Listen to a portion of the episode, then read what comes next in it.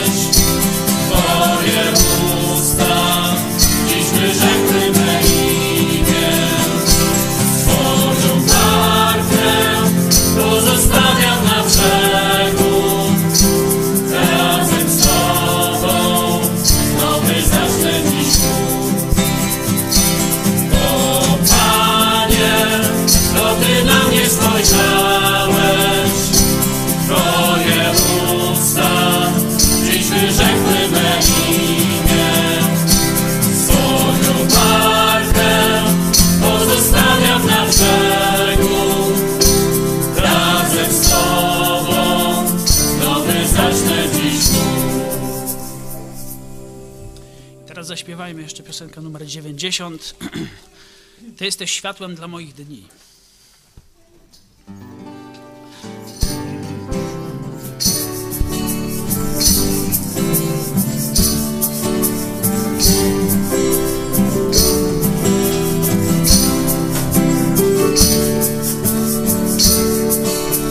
Ty jesteś światłem dla moich dni, pogodnym porankiem bez mgły.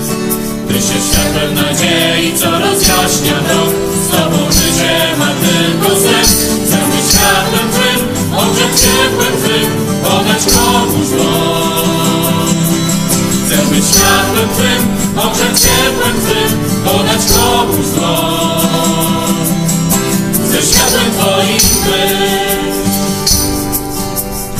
Nasze winy poniosłeś na krzyż i jest przebaczenie w Twej krwi. Ból Twoich ran nowe życie nam dał, z Tobą życie ma tylko sens. Chcę być światłem Twym, ogrzeć ciepłem Twym, podać komuś dłoń. Chcę być światłem Twym, ogrzeć ciepłem Twym, podać komuś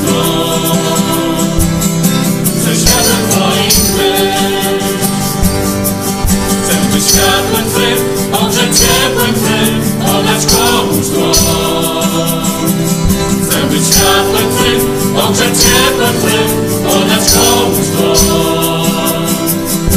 Chcę światłem Twoim być. Czy jeszcze później mamy jakieś piosenki, czy to już mamy? Dobra. To najpierw zrobię wstęp, a potem jeszcze, może się nie rozchodźcie, poproszę. Em, jeszcze byśmy pośpiewali, bo dzisiaj mamy dość liczną grupę muzyczną i dobrze nam idzie, to szkoda było cokolwiek naruszać w tej sprawie. Witam Was bardzo serdecznie. E, Dzisiaj wybrałem temat em, który w naszych kręgach y, był dość oczywisty, ale y, który w polskim chrześcijaństwie nie jest oczywisty. Jeśli bym Was poprosił o wymienienie tytułów Jezusa, jakie Jezus ma tytuły, jak się nam objawił w słowie Boga. Ciekaw jestem, ilu z Was wymieniłoby tytuł Jezusa Logos. A zobaczmy, że to nie jest gdzieś, ym, wiecie, jednorazowo, gdzieś rzadko użyty tytuł. Ewangelia Jana zaczyna się praktycznie, zbudowana jest wokół tej prawdy, że Jezus jest logos. Możecie sobie otworzyć tekst grecki, ja mam tekst polski. Tutaj logos przetłumaczone jest jako słowo. No, przeczytajmy, a potem kilka słów komentarza. Na początku było Słowo, a Słowo było u Boga, a Bogiem było Słowo. Ono było na początku u Boga. Wszystko przez nie powstało, a bez niego nic nie powstało. Co powstało? W nim było życie, a życie było światłością ludzi. No i teraz pojawia się kontrast. A światłość świeci w ciemności, lecz ciemność jej nie przemogła. I potem werset czternasty. A słowo ciałem się stało i zamieszkało wśród nas, i ujrzeliśmy chwałę Jego, chwałę, jaką ma jedyny syn od Ojca, pełne łaski i prawdy. Cóż to jest to słowo? Ktoś myśli, że słowo no to oznacza niech się stanie, na przykład. Tak, to też jest słowo. Ale logos to jest całkiem co innego. Logos zo- zostało zaczerpnięte z innego źródła. Tak, ze źródła naukowego. Można powiedzieć w przenośni oczywiście, bo inaczej funkcjonował świat naukowy e, antycznych e, czasów greckich. Ono zostało wzięte z greckich uniwersytetów. Ono nie pojawiało się w debacie żydowskiej. Ono nie pojawiało się też w tak zwanym języku e, greki, którą używano na co dzień w całym, można powiedzieć, imperium Imperium Rzymskim, świecie tym zdominowanym przez Greków w świecie helenistycznym. Tam dużo prostsze słowa potrzebne do handlu, do, e, do załatwiania sporów, do prowadzenia wojen, konfliktów i tak dalej. Oczywiście cała Biblia, mówię o Nowym Testamencie, jest właśnie w tym języku, tym prostym, ktoś by powiedział, prostackim słownictwem napisana. Ale Ewangelia Jana się wyróżnia. Ewangelia Jana czerpie z innej kultury i to nie z całej, tylko z jej elity uniwersyteckiej i przyjmuje ten tytuł, który był tam używany, kiedy filozofowie greccy próbowali zrozumieć świat. Różne mieli koncepcje, ale większość z nich zgadzała się, że za tym wszystkim gdzieś stoi wielki umysł. Nazywali ten umysł logos. Można by najlepiej nie słowo przetłumaczyć, ale wszechwiedza, czyli cała prawdziwa wiedza wszechświata, nie fake newsy. Cała prawda wszechświata, cała wiedza uniwersum. To jest tytuł naszego Pana Jezusa Chrystusa. A teraz pomyślcie nad tym. Jak człowiek, który się mieni wyznawcą Jezusa Chrystusa, może być jednocześnie pospolitym głupkiem, odrzucającym wiedzę? Czy to się godzi? Jeśli on mówi, że on idzie za Chrystusem, a Chrystus jest wszechwiedzą całego świata, to czy on może mówić: Nie, mnie wiedza nie interesuje, chcę być głupkiem? Czy można to pogodzić? Nad tym się zastanówmy w modlitwie. Chciałem, żebyśmy modlitw, modlili się o chrześcijan przede wszystkim w Polsce. Bo że cały świat pogrąża się w głupocie, to wiemy. Ale niestety Kościół Jezusa Chrystusa w ciemnocie, zabobonie i głupocie również się pogrąża. Dlatego teraz, czy jesteś sam, czy w mniejszej grupie, w rodzinie, my tutaj, chciałem, żebyśmy pięć minut poświęcili na modlitwę o chrześcijan, żeby zrozumieli, że Jezus jest prawdą. Jezus jest wszechwiedzą, wszechmądrością. Dlatego Jego dziecko, Jego, dokładnie brat trzeba powiedzieć, Jego wyznawca, Jego naśladowca nie może odwracać się od prawdy, od faktów, od wiedzy. Nie może być głupcem i ignorantem, bo nie naśladuje swojego Pana i Zbawiciela, który jest wszech mądrością, wszech wiedzą. Módlmy się. Za pięć minut wrócimy, będziemy jeszcze śpiewać.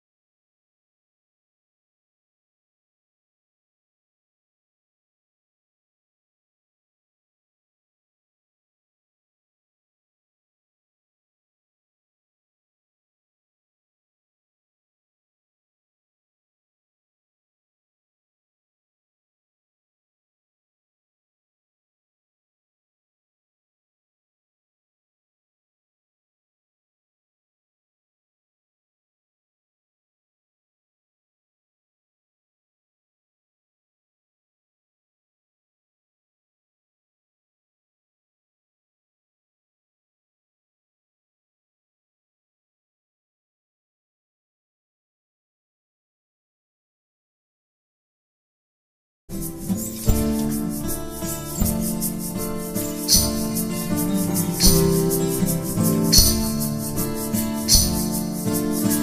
jest nasz Pan, o święty Pan zastępów. Prawy jest i słuszny każdy Jego czyn. Fałsz nie wyjdzie z Jego ust, bo Jego droga. Z ziemią głoszą chwałę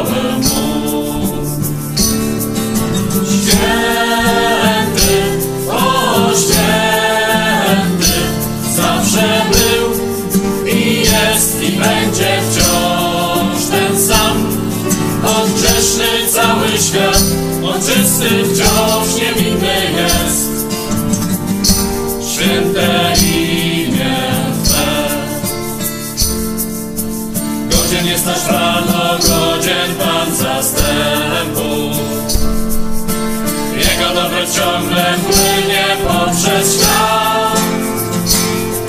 Sprawiedliwością jest nasz Pan, lecz miłosierny będzie nam. Niebiosa z ziemią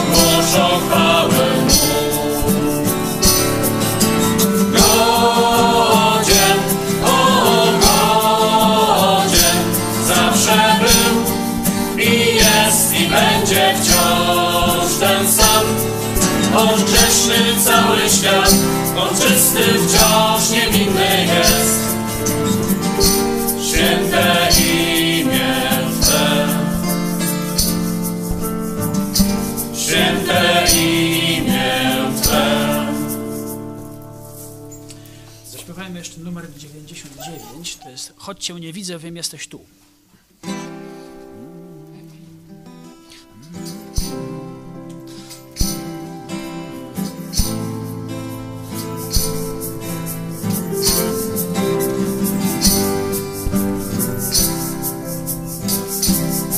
Choć nie widzę, wiem jesteś tu, choć nie czuję, nie boję się, będę ufać i nie będę lękać się.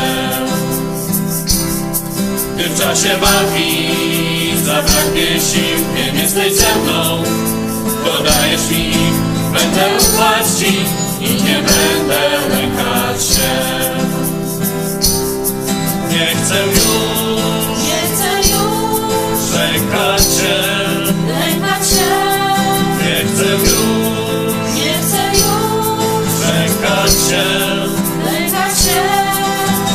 zaufać Ci, Chcę zaufać Ci, chcę zaufać Ci, chcę zaufać Ci, chcę zaufać Ci, chcę zaufać Ci, chcę zaufać Ci. A kiedy ciemność otacza mnie i gniazdo wieje, w oczy me będę ufać Ci i nie będę lękać się. Gdy cały świat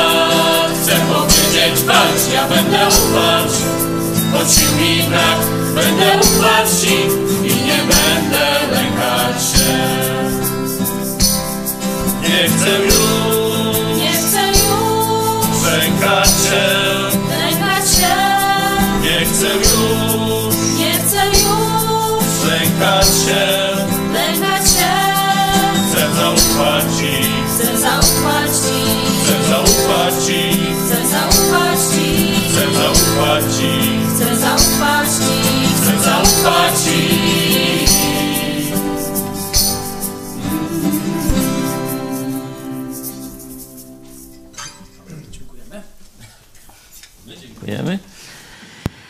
Słuchajcie, czy Kościół może się różnić od społeczeństwa, w którym żyje, nie? z którego pochodzi?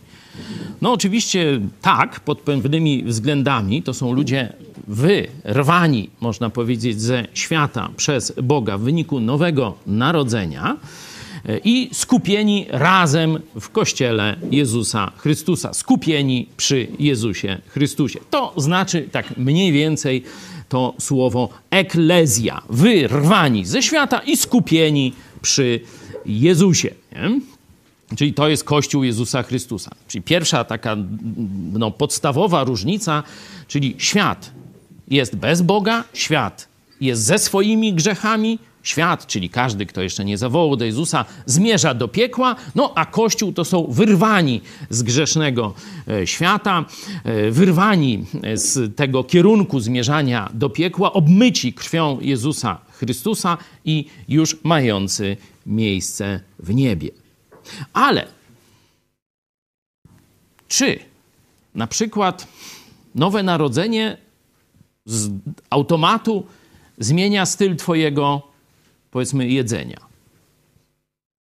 Albo styl, styl Twojego ubierania się, albo Twoją fryzurę. Jezus nie zmienia Twojej fryzury. Twoją fryzurę musisz zmienić sobie sam. Nie? Proste jak dwa razy dwa. Czyli oprócz tej podstawowej zmiany związanej z kierunku do piekła czy do nieba, to bardzo wiele rzeczy teraz my musimy zmienić, żeby się upodobnić do Jezusa Chrystusa. No to teraz wszyscy powiedzą: No a gdzie twoje długie włosy?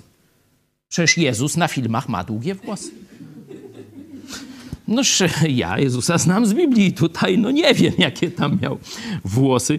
Jeśli już o wyglądzie Jezusa jest, to mamy w księdze Izajasza, że był brzydki, że nie był przystojny. A aktorów wybiera się do roli Jezusa zwykle takich przystojniejszych. Nie? Ale to sobie e, zostawmy. Inaczej mówiąc, Kościół będzie się składał z ludzi, którzy jeszcze niedawno byli w świecie. Oni są nowonarodzeni, oni już nie zmierzają do piekła, są obmyci ze swoich grzechów przez krew Jezusa Chrystusa. Ale oni jeszcze mają wiele zwyczajów, wiele myśli, wiele błędnych koncepcji, inaczej mówiąc, dużo głupoty przyniesionej ze świata do kościoła. I teraz rolą dobrego kościoła jest, czyli no, Kościoła Jezusa Chrystusa, on jest zawsze dobry, tylko mogą być nieposłuszni.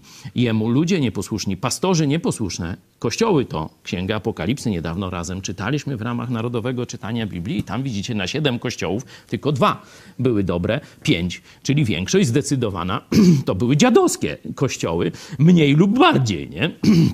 To jeszcze jakaś pociecha, że no, powiedzmy, nie wszystkie były tam całkowicie no, takie już odjechane. Nie? Ale to odsyłam do księgi e, Apokalipsy.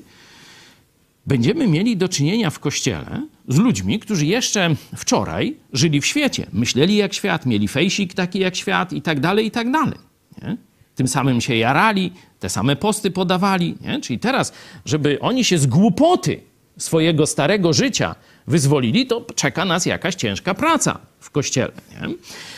Pokażę Wam kilku filozofów polskich, powiedzmy współczesnych, choć jeden nie żyje, którzy patrzyli na polskie społeczeństwo właśnie pod tym kątem i no, trochę załamywali ręce.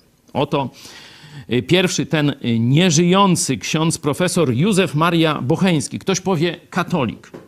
Katolik, ale myślący. I on w swoim życiu odrzucił dogmat o transsubstancjacji, powiedział, że to jest głupota i przeprosił innych e, profesorów za to, że za życia nie miał odwagi e, sprzeciwić się katolicyzmowi i robi to dopiero po śmierci. Oczywiście Kościół katolicki to ukrył, ale tam raz się gdzieś na programie drugim pojawiło właśnie taki testament e, księdza Bocheńskiego, kiedy on przepraszał e, innych, e, inne osoby, które zwiódł, udając, że tam wierzy w transsubstancjację i chodząc na tak zwane procesje Bożego Ciała, choć absolutnie w to nie wierzył. Także no, po tym wstępie mam nadzieję, że trochę mm, chętniej wysłuchacie, co do powiedzenia na temat polskiej mentalności ma ksiądz profesor Józef Maria Bocheński. W Polsce człowiek ma tak często wybór tylko między dwoma rodzajami zabobonów. Tymi głoszonymi przez partię i tymi, którym hołdują ciemni katolicy. To jest zdanie księdza profesora. Zobaczcie. Ja to nazywam właśnie katokomuną. Niekiedy dodaję katopato komuna. Mamy do wyboru zabobon marksistowski, materialistyczny, odrzucający Boga i Biblię. I część ludzi idzie w tę stronę. albo ciemny, durny katolicyzm. Oczywiście nie cały katolicyzm jest ciemny i durny.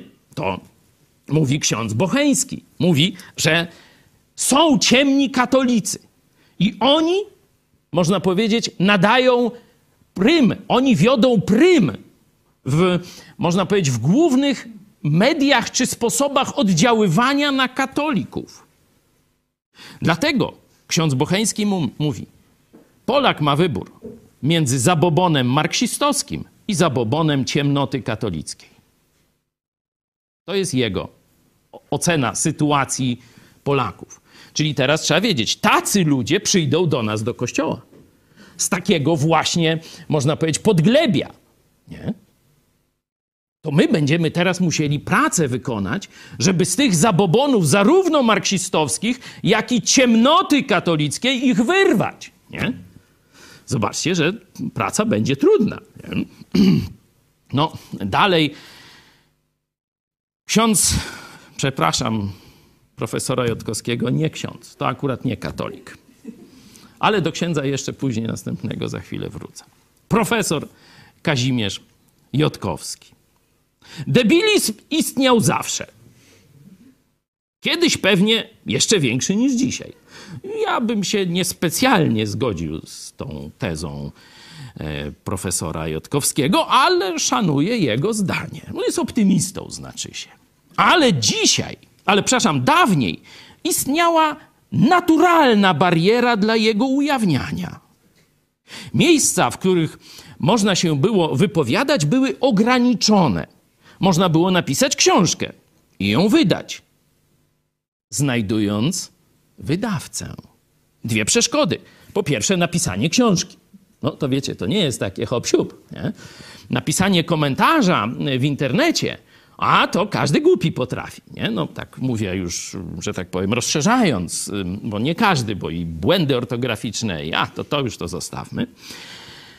Ale książkę napisać to już nie każdy. Czyli pierwsza bariera, jaką przed debilizmem chroniła nas, to mówię, że trzeba było wykonać wysiłek, na przykład, żeby z jakąś książką dotrzeć, trzeba było ją napisać. Ale trzeba było znaleźć też kogoś, kto da pieniądze na wydanie książki. A komentarz na fejsiku gratisowo. Leci. Inny sposób. Można było napisać tekst do gazety. No można, ale przeszkoda. Redaktor, który dba o jakość czasopisma, bo inaczej ludzie przestaną je kupować. Hm. Można było coś powiedzieć przez radio. No, ta sama przeszkoda jak w gazecie.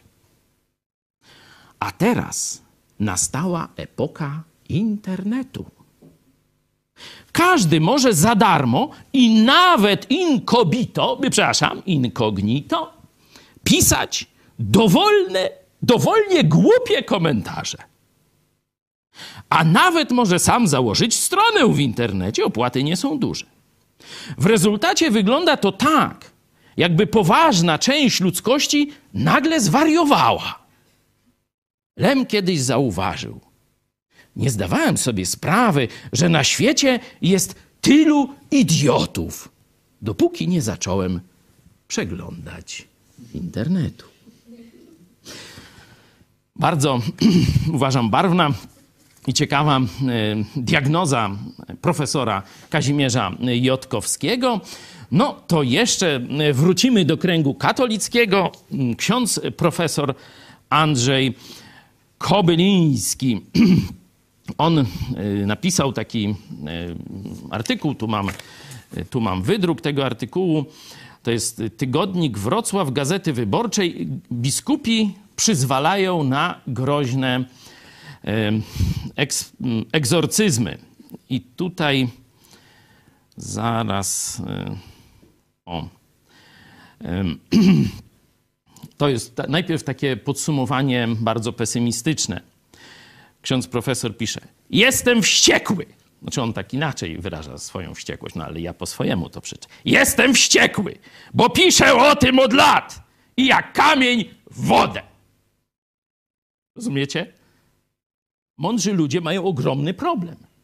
Nie mogą dotrzeć do społeczeństwa, bo tam, jak powiedział profesor Jotkowski, króluje debilizm, a jak e, mówił e, nasz tutaj, e, powiedzmy, wieszcz naszych czasów, Stanisław Lem, kry, króluje świat idiotów w internecie. Nie? W każdym bądź razie o co chodzi? Jaki problem, już nieco inny niż e, dwaj przedmówcy, e, bo nowoczesny problem re- religijny, jaki e, ksiądz profesor Kobyliński zarzuca.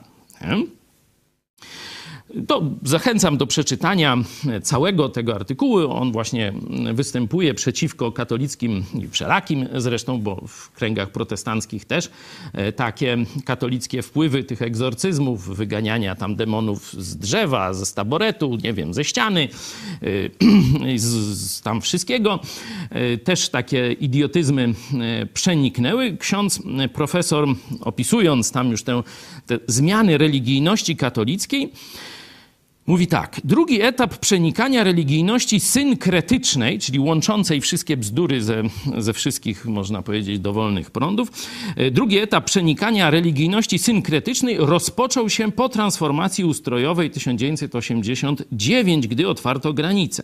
O procesie masowym możemy jednak mówić dopiero po 2007 roku. Tu jest mowa o kościele rzymskokatolickim, no, czyli o większości społeczeństwa polskiego, przynajmniej na razie.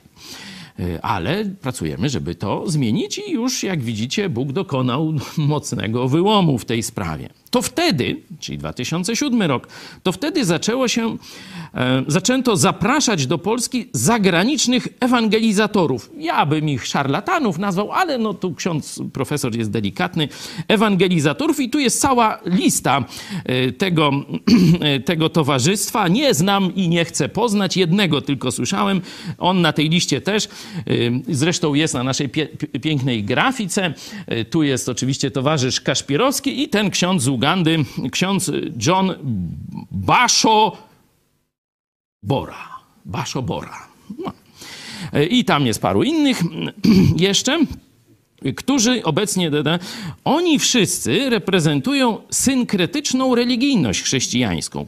Ksiądz, e, księdza Baszoborę reklamowano nawet jako tego, który wskrzesił z martwych 40 osób.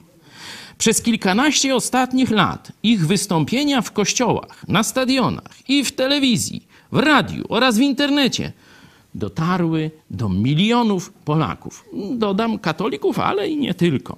I podsumowuję, ksiądz Kobyliński, trzeba jednak zadać pytanie.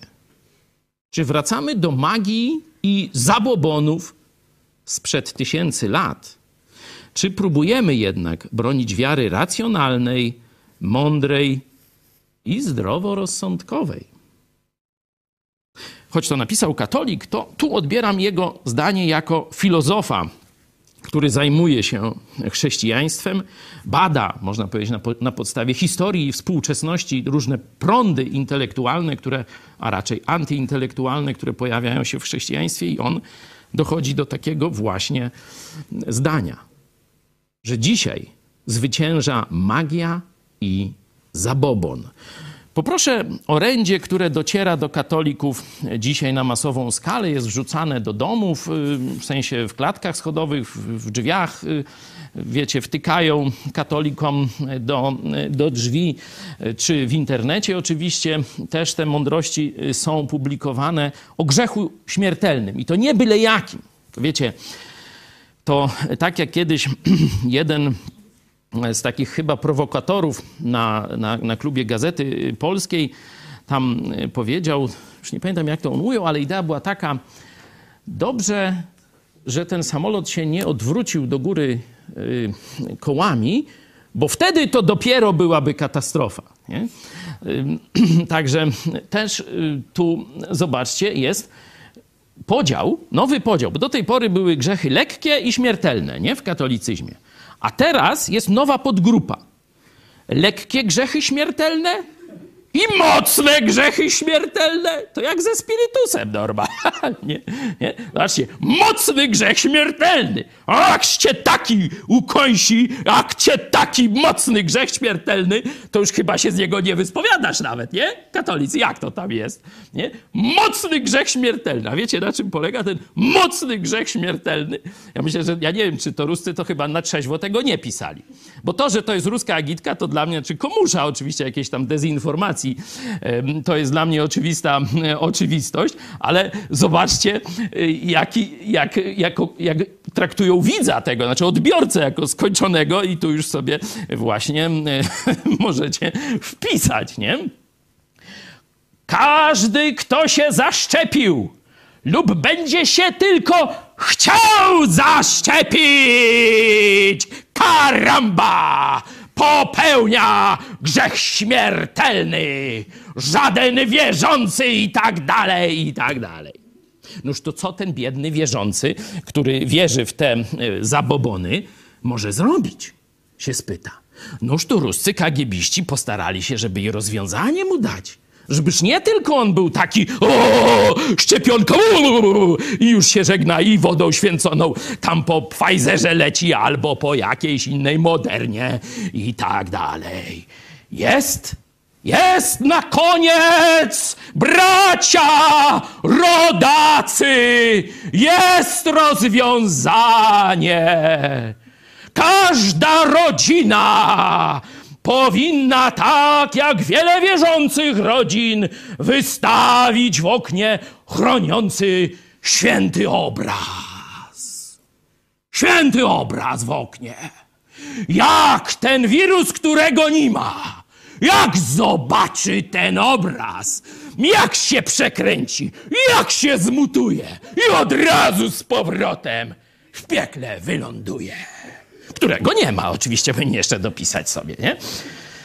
Nikt z takich domów nie umarł, ani nie trafił do szpitala. Ja wam mówię, dzielny kagiebista. Normalnie, zobaczcie, no.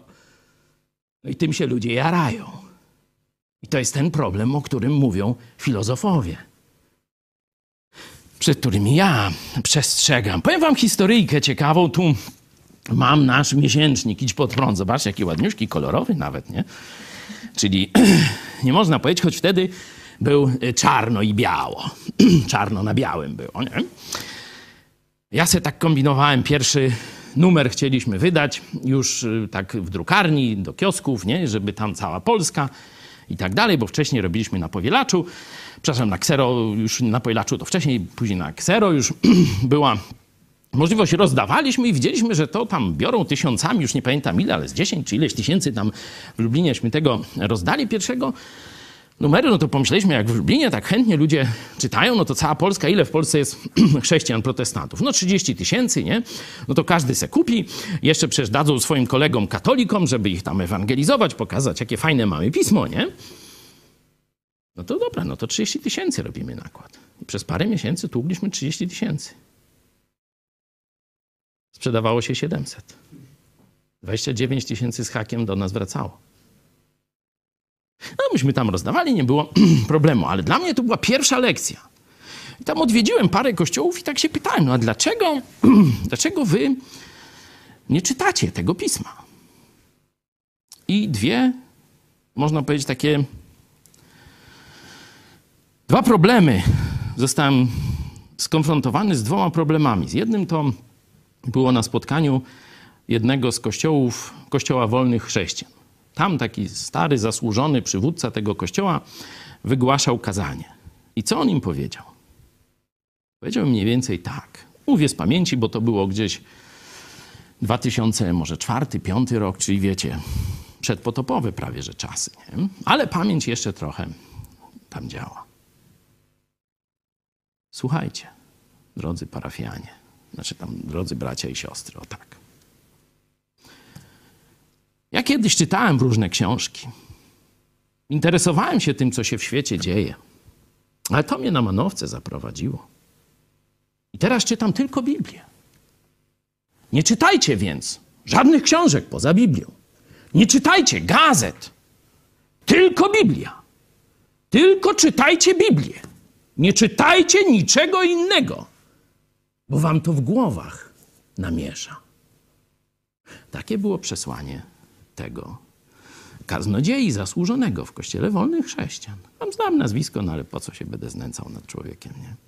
Sam, sami zresztą słyszeliście to kazanie.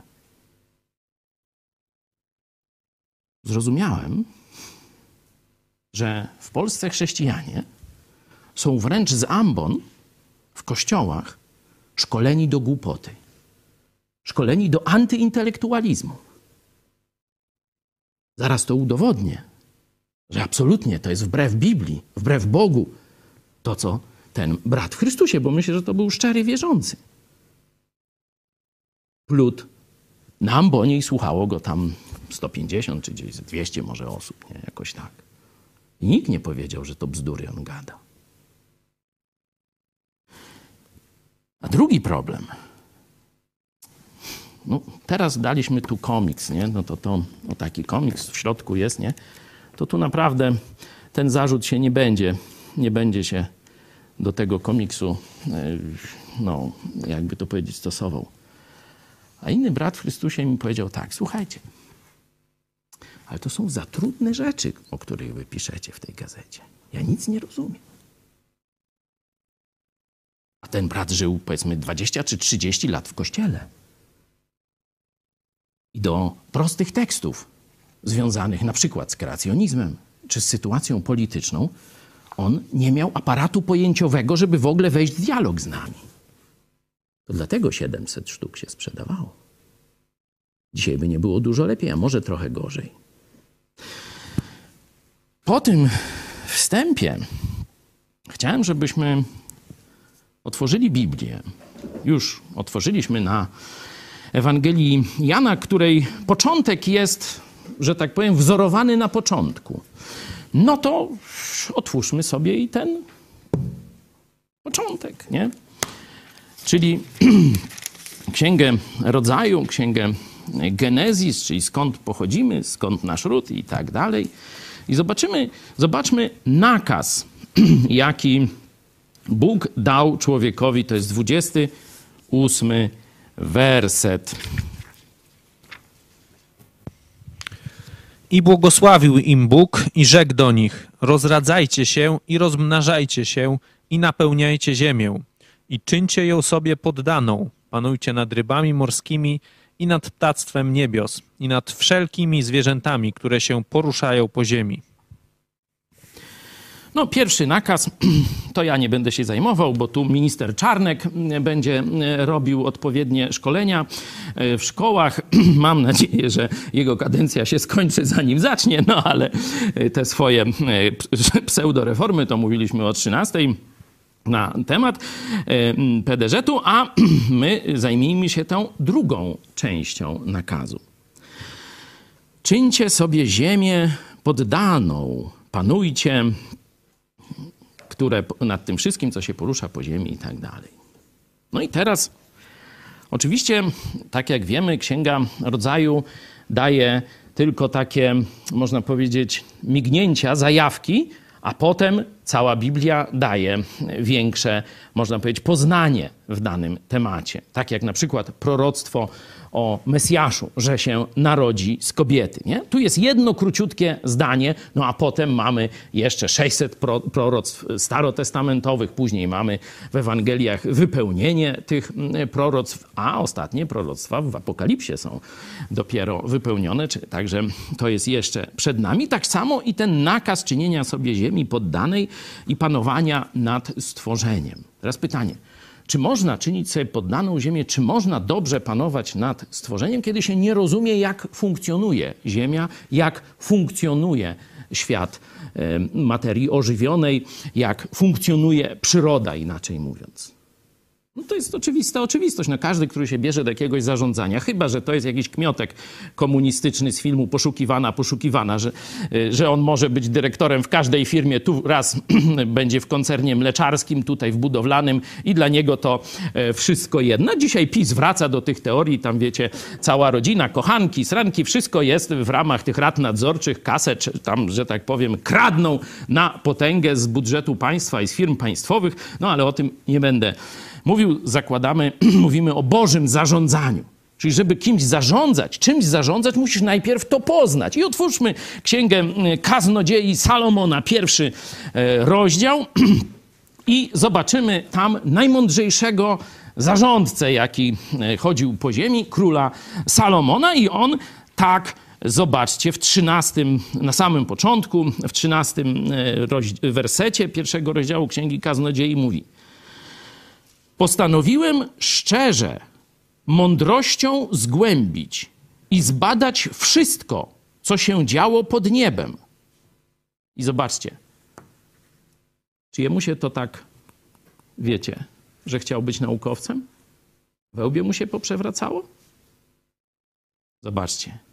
Jest to żmudne zadanie, jakie zadał Bóg synom ludzkim, aby się nim trudzili. Widzicie, tutaj mamy już więcej tego, na czym polega ten nakaz. Czyńcie ją sobie poddaną i panujcie nad stworzeniem. Nie? Mamy ewidentnie pokazane, że to jest od Boga zadanie poznanie funkcjonowania świata, poznanie funkcjonowania przyrody i tak dalej. I teraz, jak ktoś mówi, że nauka jest z diabła, że tylko Biblię powinniśmy czytać, no to niech się zmierzy z tym tekstem Biblii. Biblia jest objawieniem szczególnym, mającym nas doprowadzić do poznania naszego Zbawiciela, do rozpoznania w Jezusie naszego osobistego odkupiciela. Czyli ma nas doprowadzić do poznania naszego grzechu, poznania misji Jezusa, tożsamości Jezusa, i potem te dwie rzeczy mają się w naszych umysłach skleić. Czyli nasza potrzeba i misja Jezusa Chrystusa. To kiedyś pięknie profesor Tatarkiewicz powiedział, na czym polega nowonarodzenie, można powiedzieć, chociaż on nazwał to oświeceniem. On mówił, że człowiek zbiera wiedzę przez całe życie, a potem dostaje tę ostatnią cegiełkę wiedzy, która mu domyka system. I wtedy woła Eureka, jak starożytny filozof, albo chwała ci Jezu, jak mówi chrześcijanin. Ale zobaczcie, gdyby on wcześniej nie budował tej całej konstrukcji wiedzy, to czy ta cegiełka domykająca na przykład o roli Jezusa Chrystusa, czy nie wpadnie do pustego, można powiedzieć, pustej stodoły? Czy będzie się miała o co oprzeć ta cegiełka domykająca system? Dlatego mówimy o preewangelizacji. To właśnie o zrozumieniu intelektualnych zasad funkcjonowania świata, między innymi o stworzeniu, dlatego mówimy, żeby potem ta ostatnia cegiełka, czyli misja Jezusa Chrystusa, trafiła na dobry fundament. To jest zadanie Kościoła chrześcijańskiego. Ale o tym to mówiłem wielokrotnie. Idźmy dalej. Zobaczcie, gdybyście otworzyli tę księgę kaznodziei, to e, piąty, szósty, siódmy werset, zobaczcie, on od razu to się dzieje mniej więcej 3000 lat temu. Zobaczcie, jaką wiedzą od razu rzuca na stół, jaką wiedzę rzuca ten mężec. Słońce wschodzi i słońce zachodzi. I śpieszy do swojego miejsca, gdzie znowu wschodzi. Ciekaw jestem, jak to płaskoziemcy sobie tłumaczą. Się pakuje słońce do skrzynki i przewozi się z powrotem? No to ktoś wie, jak sobie bo kiedy Ziemia jest kulą, no to wtedy łatwo. No tu sobie to chodzi. Później zobaczcie, wraca do tego samego miejsca, na wschód, znaczy się i znowu sobie, że tak powiem, po nieboskłonie idzie. Nie? O, tu jakby ktoś się czepił mnie, że mówi, że słońce wschodzi, no to weźcie sobie gazetę nawet wyborczą i tam też jest, że słońce wschodzi, tam nie wiem, piąta czy szósta, czy zależnie kiedy, nie? Po prostu przyjmuje się taki od, punkt odniesienia związany z człowiekiem, nie? Dalej zobaczcie, mówi o ruchu Ziemi. Czy on nie wie jeszcze pewnie o ruchu Ziemi, choć nie wiem, ale pokazuje o skręceniu wiatrów spowodowanych ruchem wirowym Ziemi. Zobaczcie, wiatr wieje ku południowi i skręca ku północy. Wiatr ustawicznie krąży i w swym biegu okrężnym wraca. Czyli rozumie, jak na całej kuli ziemskiej, nie w Izraelu, że tam wiecie, w tej porze roku no to wieje od morza, a w tej od gór, no bo to tam, wiecie, każde pokolenie, parę pokoleń sobie tam opanują. On wie, jak wiatry po całej ziemi krążą. Taką ma wiedzę. A naćpany pasterz z Izraela. No patrz, to chyba ta była naćpana, jak takie mądrości sadziła. Wszystkie rzeki płyną ku morzu, a jednak morze nie wzbiera. Przecież już powinno być globalne ocieplenie, powinniśmy potąd być w wodzie. Takie łopy dzisiaj od Alagora i inni nas, nam tłumaczą, że o potąd będziemy chodzić w wodzie, szczególnie ci w Gdyni tam i na wybrzeżu, to już se kupujcie normalnie rurki takie i będziecie se chodzić wtedy bezpiecznie. No te jełopy tak twierdzą, a tu zobaczcie, gość trzy tysiące lat temu mówi, wszystkie rzeki do morza walą, a morze nie wzbiera. W dalszym ciągu płyną rzeki do miejsca, do którego zdążają i tak dalej. Zobaczcie, on mówi nie o wiedzy o Bogu. On nie mówi o tym, jak aniołowie w niebie, on nie mówi o strąceniu aniołów, nie mówi o różnych rzeczach związanych z więzią człowieka z Bogiem. On mówi o funkcjonowaniu świata fizycznego, świata materialnego. I to jest w Biblii. I tym człowiek Biblii, który tu jako wzór nam jest dany, on całe życie na tym, można powiedzieć, strawił. Oczywiście poznawał Słowo Boże, ale jednocześnie poznawał, można powiedzieć dzisiaj, dzisiejszą naukę, jej zdobycze, jej wiedzę i tak dalej. Zobaczcie, jakie dwie takie praktyczne rady z tego wynikają. Oczywiście zachęcam do całej księgi, ale pokażę wam tylko dwa takie smaczki. No, wiecie, że kiedyś aptekarze, jak to oni się nazywali? Ktoś pamięta, jak się farma, farmaceuta, co to znaczy? Słucham? Czarujący.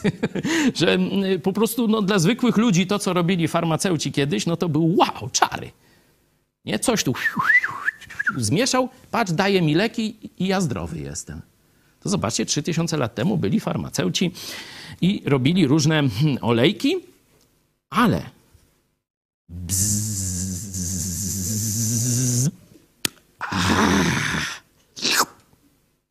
oblizać nie można. Patrzcie, martwa mucha może zepsuć olejek aptekarza. Jego wielka wiedza, jego ciężka praca, żeby zdobyć składniki, potem je wymieszać w odpowiednich proporcjach. To prze, przecież wiele eksperymentów przeprowadził. Tego za dużo, tego za mało. To źle działa. Tu sraczki dostał ten pacjent, nie? Tu z kolei przekręcił się, nie? To muszę zmienić, nie? Czyli na podstawie różnych ekspery... eksperymenty! Ojej! Szczepionka to eksperyment! Ludzie, ratujta się, chowajta się! Doktory jadą! No jest taka scena z Hiszpanki, jak była. Ludzie, doktory jadą! Noż to przecież dzisiaj ten sam ciemnogród wyłazi i to samo oplata, no. Eksperymenty na ludziach będą robić. Noż to ten aptekarz se zrobił tych eksperymentów. Wreszcie już ma dobruśki olejek do zastosowania. Buch, mucha mu wpadła. Nasrała do olejka. Co z olejkiem? No nie poda tego teraz. Cała jego praca, cała wiedza, wszystkie eksperymenty o dupę obić. Bo jeden głupek nagrał filmik na YouTubie, a agentura mu dała dwa miliony wyświetleń. I cała Polska żyje jakimś pseudoratownikiem. Albo tą bzdurą z KGB na temat grzechów śmiertelnych i wystawiania obrazków. Na nic wiedza naukowców. Na nic mądre głosy. Bo jeden dureń wszystko to zmarnował. Otóż zobaczcie. Martwa mucha może zepsuć olejek aptekarza. Cenniejsza jest mądrość i chwała niż odrobina głupoty. Zobaczcie, jak łatwo mądrość zbrukać. Jak łatwo zniszczyć autorytet ludzi mądrych. Pierdun! Skąd to? Z konopielki. Potrafi wszelkie mądrości całej kadry naukowej, chrześcijańskiej i nie tylko zniszczyć jednym pierdem na fejsiku. Takie mamy czasy. Do tegośmy dożyli. I teraz Kościół musi temu niestety stawić czoła. I będziemy tutaj naprawdę to robić odważnie, nie patrząc na to, co kto o nas pomyśli. Nie będziemy się, że tak powiem, łasić do kogoś. A, słuchajcie, nie, nie, nie, my nie będziemy krytykować głupoty, zostańcie z nami. Nie. Jeśli wybierasz głupotę, nie zostawaj z nami.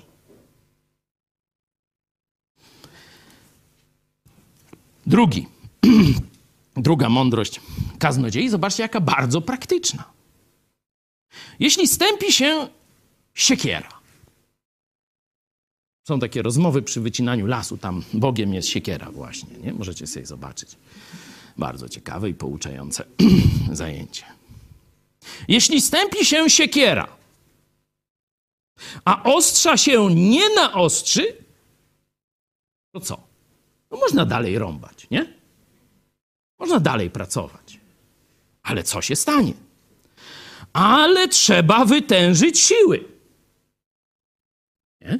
Czyli można nie zwracać uwagi, na fakty, że siekiera się stępiła i jest rozwiązanie, czyli trzeba ją naostrzyć. Można tylko mocniej uderzać. No coś tam się zrobi, no pot będzie się lał, wydajność spadnie, no ale można, nie? Jeśli stępi się siekiera, a ostrza się nie naostrzy, to trzeba wytężać siły. Korzystniejszą jednak rzeczą byłoby puknąć się w łeb. Byłoby posłużyć się mądrością. I zobaczcie, tu nie ma o zbawieniu. Tu jest o naostrzeniu siekiery. Biblia mówi o naostrzeniu siekiery, czy nie? No. Wujkowie. Wuje znaczy się. Którzy mówią, że tylko Biblię trzeba czytać. No dobra. W Biblii jest o naostrzeniu siekiery, to siekierę naostrzy. A łańcuch od piły motorowej?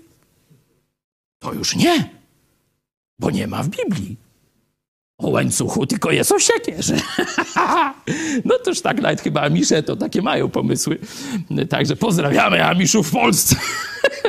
Tam połowa kościołów to Amisze w Polsce, jeśli chodzi o e, zdobycze wiedzy i te sprawy. No ale to już taka, taka niestety nasza robota. Znaczy nie, nie, niestety.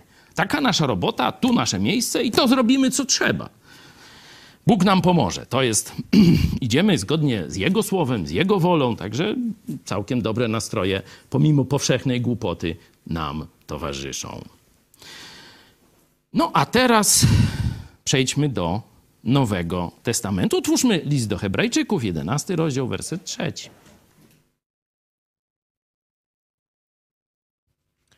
Przez wiarę poznajemy, że światy zostały ukształtowane słowem Boga, tak iż to, co widzialne, nie powstało ze świata zjawisk. Czy chrześcijanie mają świadomość tak zwanego świata zjawisk, czyli świata materialnego?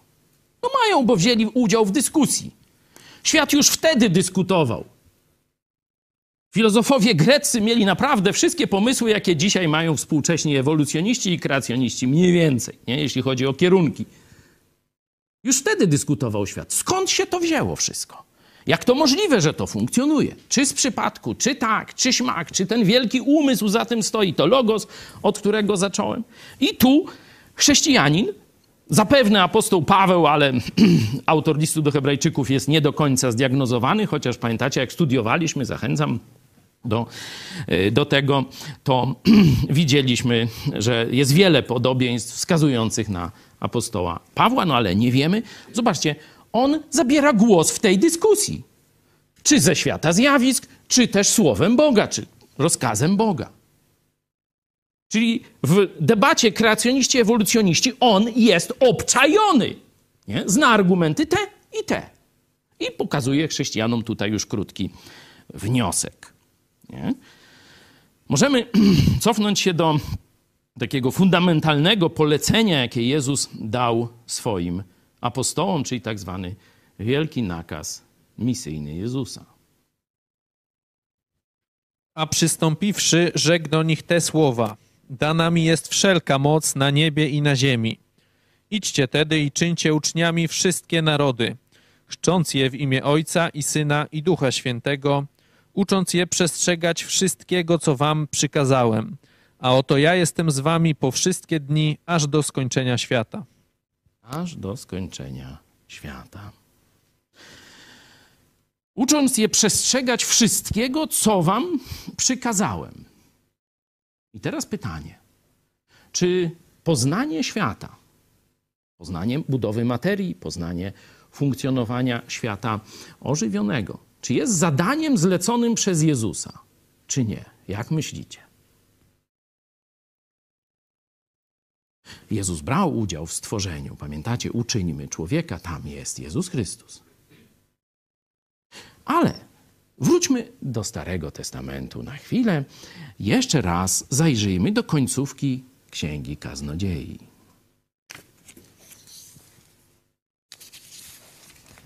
Zobaczycie tam coś bardzo, bardzo zaskakującego. Dwunasty rozdział.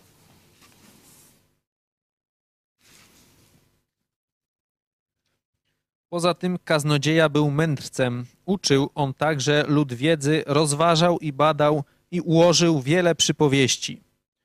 Kaznodzieja starał się znaleźć godne słowa i należycie spisać słowa prawdy. W podsumowaniu pokazuje swoją rolę. Mówiłem o początku, tutaj on podsumowuje. Nie tylko poznał, jak funkcjonuje świat, ale uczył lud. Jak?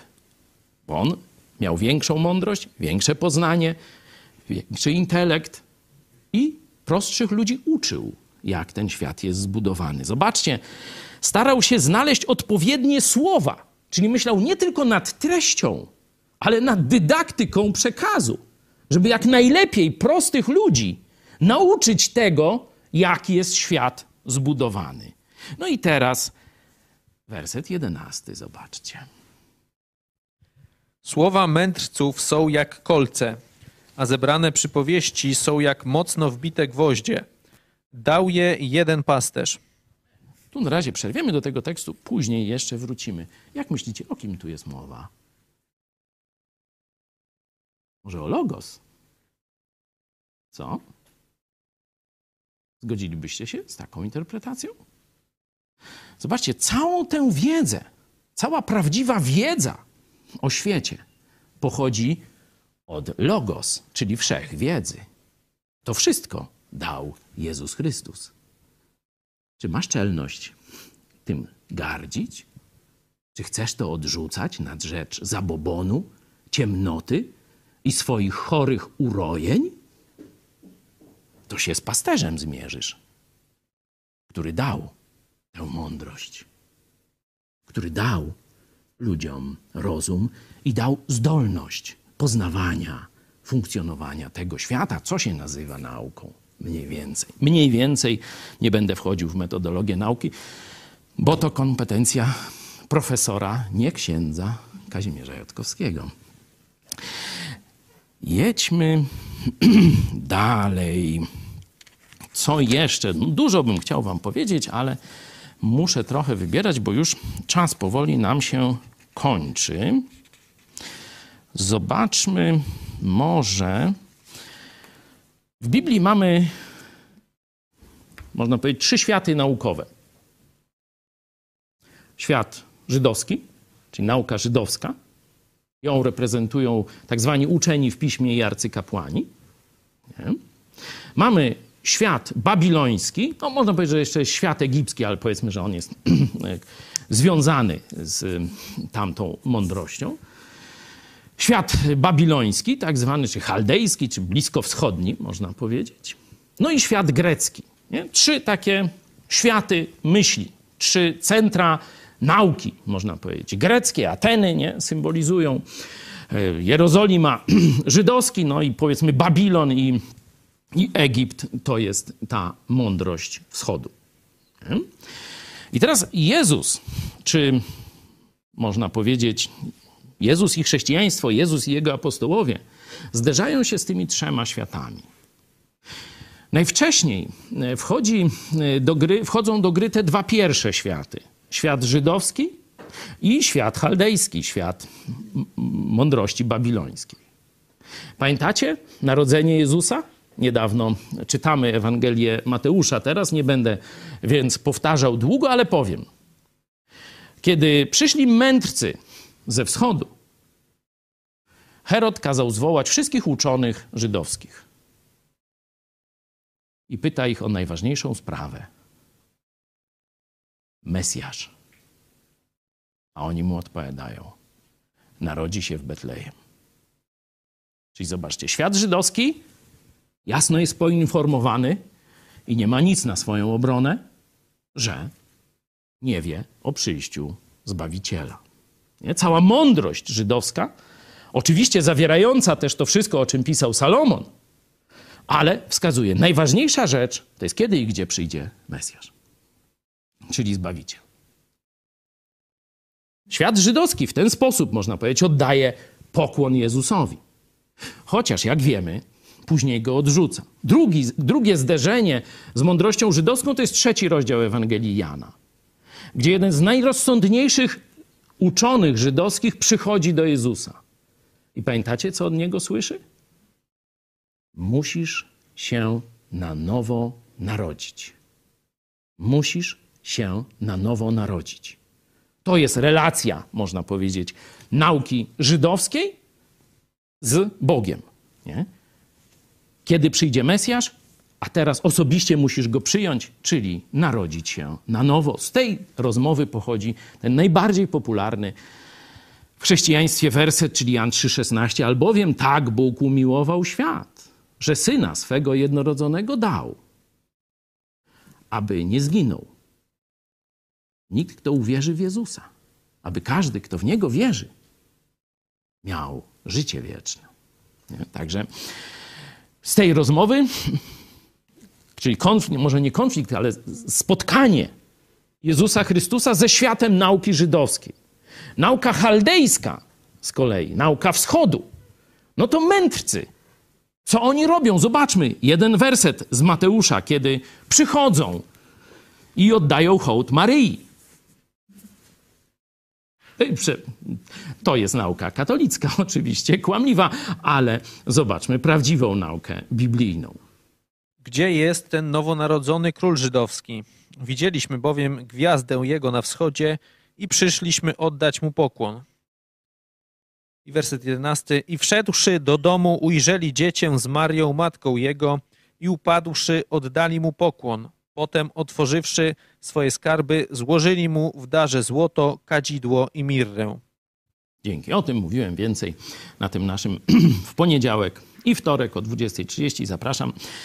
Czytanie Biblii, że oddali cześć Jezusowi, dary złożyli Jezusowi. Nie Józefowi i nie Maryi, tylko Jezusowi. Nie? Czyli ta, ta, cała ta nauka, którą reprezentował Wschód, złożyła pokłon Jezusowi. No i trzeci obszar to jest nauka grecka. Nauka grecka, można powiedzieć, jest najbardziej nam znana. Nauka grecka najbardziej wpłynęła na naszą kulturę. Tu mi Radek przygotował e, kilka, dosłownie nie chcę was tu tam filozofią grecką zbyt mocno e, epatować, ale przeczytam wam Lewaka z czasów, e, z czasów właśnie starożytnej Grecji, Heraklita. Nie? No dzisiaj to był taki typowy jakiś postępowiec. Nie? Ale zobaczcie, co ten tak zwany lewak pisał o, można powiedzieć, swojej ojczyźnie, bo on w okolicach Efezu działał. Jeśli tu nic wam nie mówi Efes, no to przeczytajcie sobie dzieje apostolskie i tam będziecie mieć o wielkiej Artemidzie efeskiej. Nie? I czeskiej, Efes, nie, efeskiej, efeskiej. W, Czech, w Czechach to tam spokojnie jest pod tym względem. Wielka Artemida efeska. Ile oni godzin wrzeszczeli? Chyba dwie godziny bez ten tłum, jak się zebrał przeciwko chrześcijanom, którzy mówili, że Bóg nie mieszka w, w świątyniach ręką zbudowanych i nie buduje mu się posągów, ani nie oddaje w ten sposób czci, chyba dwie godziny wrzeszczeli. To był ich argument, nie? Tutaj jest objawienie Słowa Bożego, no a tu jest argument wyznawców wielkiej Artemidy Efeskiej. No i ten biedny Heraklit sobie, Heraklit żył w tym mieście i mówi tak o nich. Oczyszczają się ze krwi, którą przelali, skrapiając się krwią. Tak jakby ktoś, kto wlazł w błoto, chciał się zeń błotem oczyścić. No patrz, no, rozsądny chłop kombinuje. I modły znoszą do posągów bóstw. Jak gdyby ktoś z kamieniami chciał gwarzyć. Patrz, podoba mi się ten gość. Że też go tam nie zatłukli. Nie znają bogów ni bohaterów, jakimi oni są. Ludziom, ludziom na ogół wystarcza do szczęścia, gdy mogą leżeć na żarci jak miłe bydełko. No zobaczcie, dzięki Radek, jeszcze raz tu pastor Kopeć mnie wzbogacił e, swoją wiedzą, zresztą zdobytą pod kierunkiem profesora Kazimierza Jotkowskiego. Zobaczcie, jak przydaje się filozofia też, żeby wzbogacić tło, w jakim powstała Biblia i na jaki grunt w Atenach dociera. Ale zaraz pokażę wam jeszcze poważniejszego Kolunia. E, W każdym razie, zobaczcie, chociaż on miał całkowicie sprzeczny z Biblią światopogląd, to jednak, kiedy patrzył na bałwochwalstwo Efezjan, to jasno widział jego bezsens. Stąd i my, często ludzi o lewicowych poglądach, nie zgadzających się z nami, często słuchamy i zapraszamy nawet do naszych programów, bo w pewnych sprawach oni mają więcej do powiedzenia niż pseudoreligijni, czy tam bardzo religijni ludzie ze środowisk fanatycznych, tak zwanych. Ale Drugi, który chciałem Wam pokazać, tu niektórzy zobaczą e, pewną analogię, to jest Sokrates. Sokrates, jak wiecie, został e, oskarżony i stracony, otruty, ale prokuratura postawiła mu w 399 roku, 400 lat przed Chrystusem, z okładem jeszcze, postawiła mu następujące zarzuty. Występku dopuszcza się Sokrates, nie uznając bogów uznawanych przez państwo. Inne zaś nieznane bóstwa wprowadzając, no to za to śmierć mu się należy.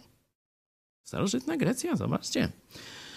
Występku też dopuszcza się, psując młodzież. Kara? Śmierć! A na czym polegało to psucie młodzieży? Pokazywał, że grecka elita to banda osłów, głupców, idiotów, debili, zdrajców i tchórzów. Na tym polegał jego, że tak powiem, ciężki występek. No takie zarzuty mu postawił prokurator ateński, 500 osób. On im jeszcze mówił, wy to mi dziękować powinniście za to, co ja robię. No to oni jeszcze bardziej i tak dalej. I większością głosów, tam zdaje się ponad 140 z 500-osobowej ławy przysięgłych składa, skazali go na śmierć. I do tych ludzi trochę potem przychodzi apostoł Paweł do tego świata. I tam następuje coś bardzo ciekawego. Otwórzmy dzieje apostolskie na koniec, już niedługo, chociaż mógłbym mówić w tym temacie długo. Dzieje apostolskie, 17 rozdział sobie otwórzmy i przeczytajmy od wersetu 16 najpierw. To jest, można powiedzieć, zetknięcie Pawła z kulturą, z filozofią grecką. Czekając na nich w Atenach, obruszał się Paweł w duchu swoim na widok miasta oddanego bałwochwalstwu. Rozprawiał więc w synagodze z Żydami i z pobożnymi, Nieprawd też, z którymi on walczy, ale doszła też do pewnych prawd. I zobaczcie, te prawdy tu wyniesione są do poziomu Bożej mądrości Logos. Ten człowiek odkrył myśl, która mieści się w Logos. Ten filozof grecki, że z jego bowiem rodu jesteśmy, czyli od Boga pochodzimy, na jego podobieństwo jesteśmy stworzeni. I teraz używa, zobaczcie, apeluje, żeby elita użyła teraz swojego rozumu, będąc więc z rodu Bożego. Nie powinniśmy sądzić, że bóstwo jest podobne do złota, albo srebra, albo do kamienia, wytworu sztuki i ludzkiego umysłu. I dalej mówi im o Jezusie. Po pierwsze, bazuje na naukowych odkryciach i dokonaniach Grecji, kiedy mówi im Ewangelię. Po drugie, wzywa ich do zastosowania logiki i poprawnego wnioskowania z wiedzy, którą już mają. W ten sposób mają dojść do osobistego poznania Jezusa Chrystusa. Taka jest nadzieja apostoła Pawła. Jak widzimy w 34 wersecie Dionizy Areopagita i niewiasta imieniem Damaris oraz inni uwierzyli. Rzeczywiście ten cel na części tego gremium się zrealizował. A teraz otwórzmy sobie list do Tytusa. Nie wolno obrażać ludzi, nie? No to zapamiętajcie sobie ten wniosek, który jest przez część chrześcijan powtarzany jak mantra. Nie można nikomu powiedzieć nic przykrego. Nie można niczyich uczuć religijnych urazić. Apostoł Paweł pod sąd. List do Tytusa. Wielu bowiem jest niekarnych, pustych gadułów, zwodzicieli, zwłaszcza pośród tych, którzy są obrzezani.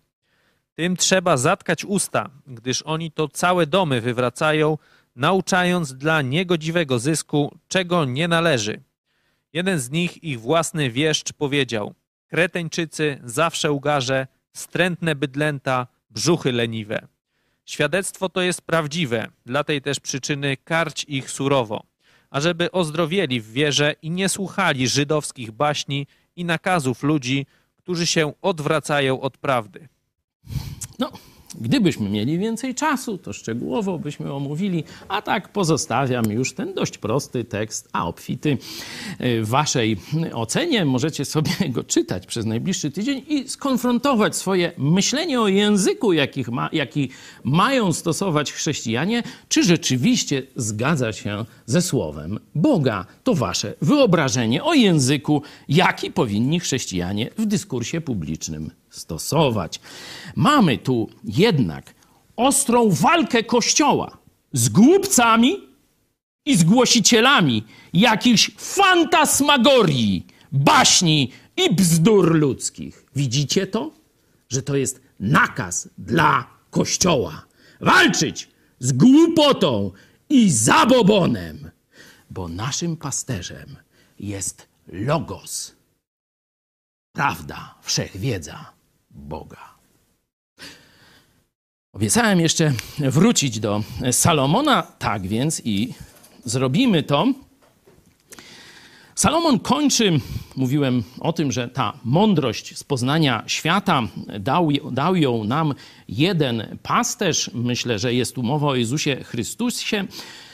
Potem żegna już swoich czytelników, przede wszystkim swojego syna. Mówi tak: Poza tym, synu mój, przyjmij przestrogę. Pisaniu wielu ksiąg nie ma końca, a nadmierne rozmyślanie męczy ciało. Tak, I tu Nowy Testament też pokazuje. Przez samą naukę nie poznamy Boga. To nie jest coś najważniejszego w życiu. Nie? Trzeba znać miejsce nauki. Wysłuchaj końcowej nauki całości. To jest jego podsumowanie. Bój się Boga i przestrzegaj Jego przykazań, bo to jest obowiązek każdego człowieka. Przypominam, że to jest Stary Testament. On jeszcze nie zna całej prawdy o zbawieniu, o Zbawicielu, Jezusie Chrystusie. Wysłuchaj końcowej nauki całości. Bój się Boga i przestrzegaj Jego przykazań, bo to jest obowiązek każdego człowieka. Bóg bowiem odbędzie sąd nad każdym czynem, nad każdą rzeczą tajną, dobrą czy złą. To będzie koniec historii. To będzie koniec mojego i Twojego życia. Staniemy przed Bogiem. I teraz wchodzi Nowy Testament. Tu, na razie Jezus jest pokazany jako źródło mądrości, jako ten jeden pasterz. Ale otwórzmy piąty rozdział pierwszego listu Jana, gdzie mowa już jest o Jezusie Chrystusie, Logos. Dwudziesty werset. Wiemy też, że Syn Boży przyszedł i dał nam wiarę. No i teraz część katolików powie, a mnie nie dał. Wiara jest Twoim wyborem. Wiara jest odpowiedzią Twojego rozumu, serca i woli na to, co objawił, co zrobił Bóg w Jezusie Chrystusie. Czyli teraz przeczytajmy tak, jak jest napisane, a nie tak, jak się ludziom wydaje, bo walczymy z zabobonem. Wiemy też, czyli zobaczcie, nie mamy nadziei, nie wierzymy, wiemy, że Syn Boży przyszedł i dał nam rozum